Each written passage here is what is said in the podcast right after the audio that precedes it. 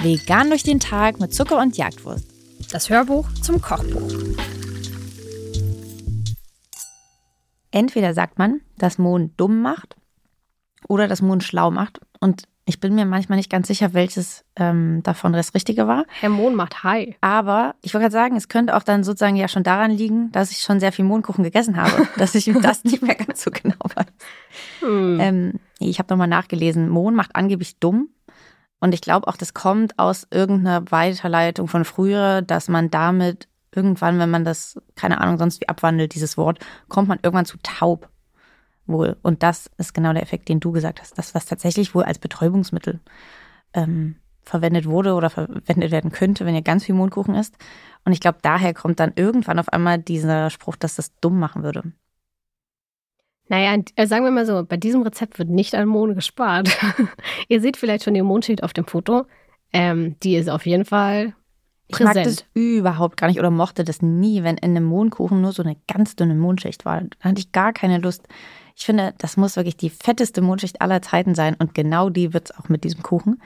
Aber keine Sorge, wenn ihr das nicht so empfindet, man kann diesen Mohnkuchen natürlich auch in anderen Backformen machen. Ich habe ähm, damals eine Springform benutzt, weil ich finde, dass das so ein klassischer Blechkuchen eigentlich ist. Und ich fand es, wie gesagt, aber interessanter so, damit eben auch die Mondschicht größer wird. Aber ihr könnt tendenziell eine größere Springform nehmen. Wir haben hier 18 Zentimeter als Angabe. Das geht auf jeden Fall safe auch mit einer größeren Springform. Macht dann einfach ein bisschen mehr Teig. Also das ist ein Mürbeteig, wenn ihr, ähm, der ist auch gesüßt, wenn, wenn ihr zu viel von dem macht in Vorbereitung, dann esst ihr den halt einfach so auf. Würde ich euch eh empfehlen.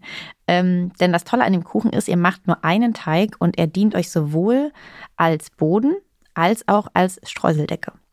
Und wie gesagt, also vom Streuselteig, ehrlich gesagt, mache ich tendenziell eh immer ungefähr die doppelte Menge, weil ich den einfach immer esse. Interessanterweise mag ich aber diesen fertigen Cookie-Dough-Teig gar nicht gern. Das ist wirklich was ganz anderes. Ja, auf jeden Fall. Wenn ich ähm, hier in die Zutatenliste gucke, dann steht da 300 Gramm gemahlener Mohn. Welchen Mohn meinst du? Es gibt ja, ähm, oh, es gibt ja zum Beispiel auch diesen backfertigen Mohn, der schon in so einer Creme ist, also der schon so creamy ist. Es gibt ja Mohn so ganz trocken. Was für einen Mohn soll ich denn am besten kaufen?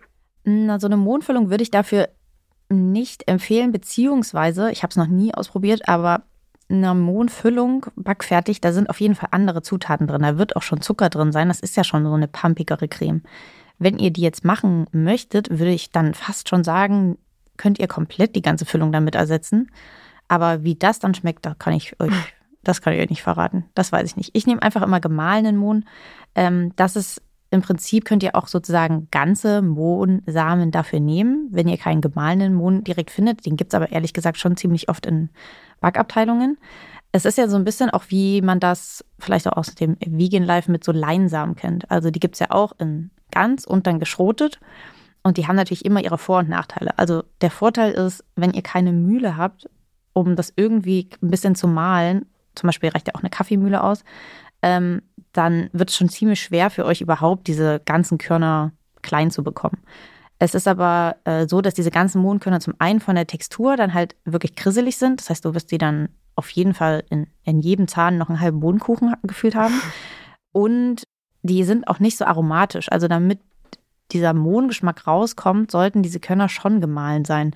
Und das kann man eben natürlich machen am entspanntesten, indem ihr euch direkt gemahlenen Mohn dann kauft. Der wiederum hat dann den Nachteil, dass er natürlich auch trotzdem irgendwann an Intensität verliert. Also ganze Mohnkörner sozusagen halten sich länger und dann, wenn man die frisch malt, wäre es am besten. Aber dadurch, dass nicht jeder so eine Mühle hat, würde ich euch jetzt hier einfach dazu raten, gemahlenen Mohn zu kaufen. Herrlich. Gibt es dann sonst irgendwas, was man bei der Zubereitung oder im Supermarkt beachten sollte? Das ist eigentlich ein simples Eigentlich nicht, Rezept, weil ne? ich habe eben genau deswegen auch, ich glaube, in vielen Mohnkuchen ist sonst zum Beispiel Quark. Also mm. es ist so eine Quarkcreme eigentlich, mhm. glaube ich. Und ich hatte eben schon den Wunsch eben, dass man jetzt nicht nochmal, also wir haben gar nichts gegen diese Ersatzprodukte und haben auch immer veganen Joghurt und Quark im Kühlschrank, aber es ist ja manchmal schon angenehm, weil ja auch der veganen Küche generell, auch dem veganen Backen nachgesagt wird, dass man immer sehr viel verrückte Zutaten bräuchte. Deswegen wollte ich das an der Stelle nicht machen. Deswegen ist das eigentlich fast wie so eine Art, keine Ahnung, Mohnpudding, wenn man so möchte, den wir aber mit Weichweizengrieß so andicken.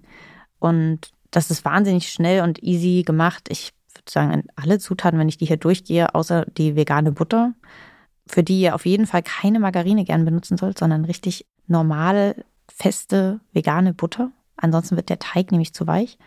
Ist ja ansonsten alles wirklich reguläre Zutaten, oder? Also ist ja ansonsten nichts, was man nicht auch äh, benutzt, wenn man nicht vegan ist, sozusagen. Und den Weichweizengrieß kann man ja auch direkt weiterverwenden für zum Beispiel Gnocchi. Gnocchi, habe ich auch gerade gedacht. Mhm. Ja. Da lohnt sich die Packung zu kaufen auf jeden Fall. Ja. Ähm, deswegen ja, also ich würde es euch empfehlen, den mal so auszuprobieren. Wir können alle gemeinsam dumm werden. Ähm, das ist doch auch was irgendwie Schönes, Gemeinschaftliches. Dann ist es nicht ganz so, ganz so blöd für uns. Ähm, nee, Quatsch. Es macht, wie gesagt, auch gar nicht dumm. Ich hoffe, das konnten wir gut erklären. Ich finde, es ist ein sehr, das Foto sieht auch sehr königlich. Ich finde, der sieht sehr edel aus. Ist eigentlich ein sehr edler Kuchen, kein dummer Kuchen. Viel Spaß beim Backen.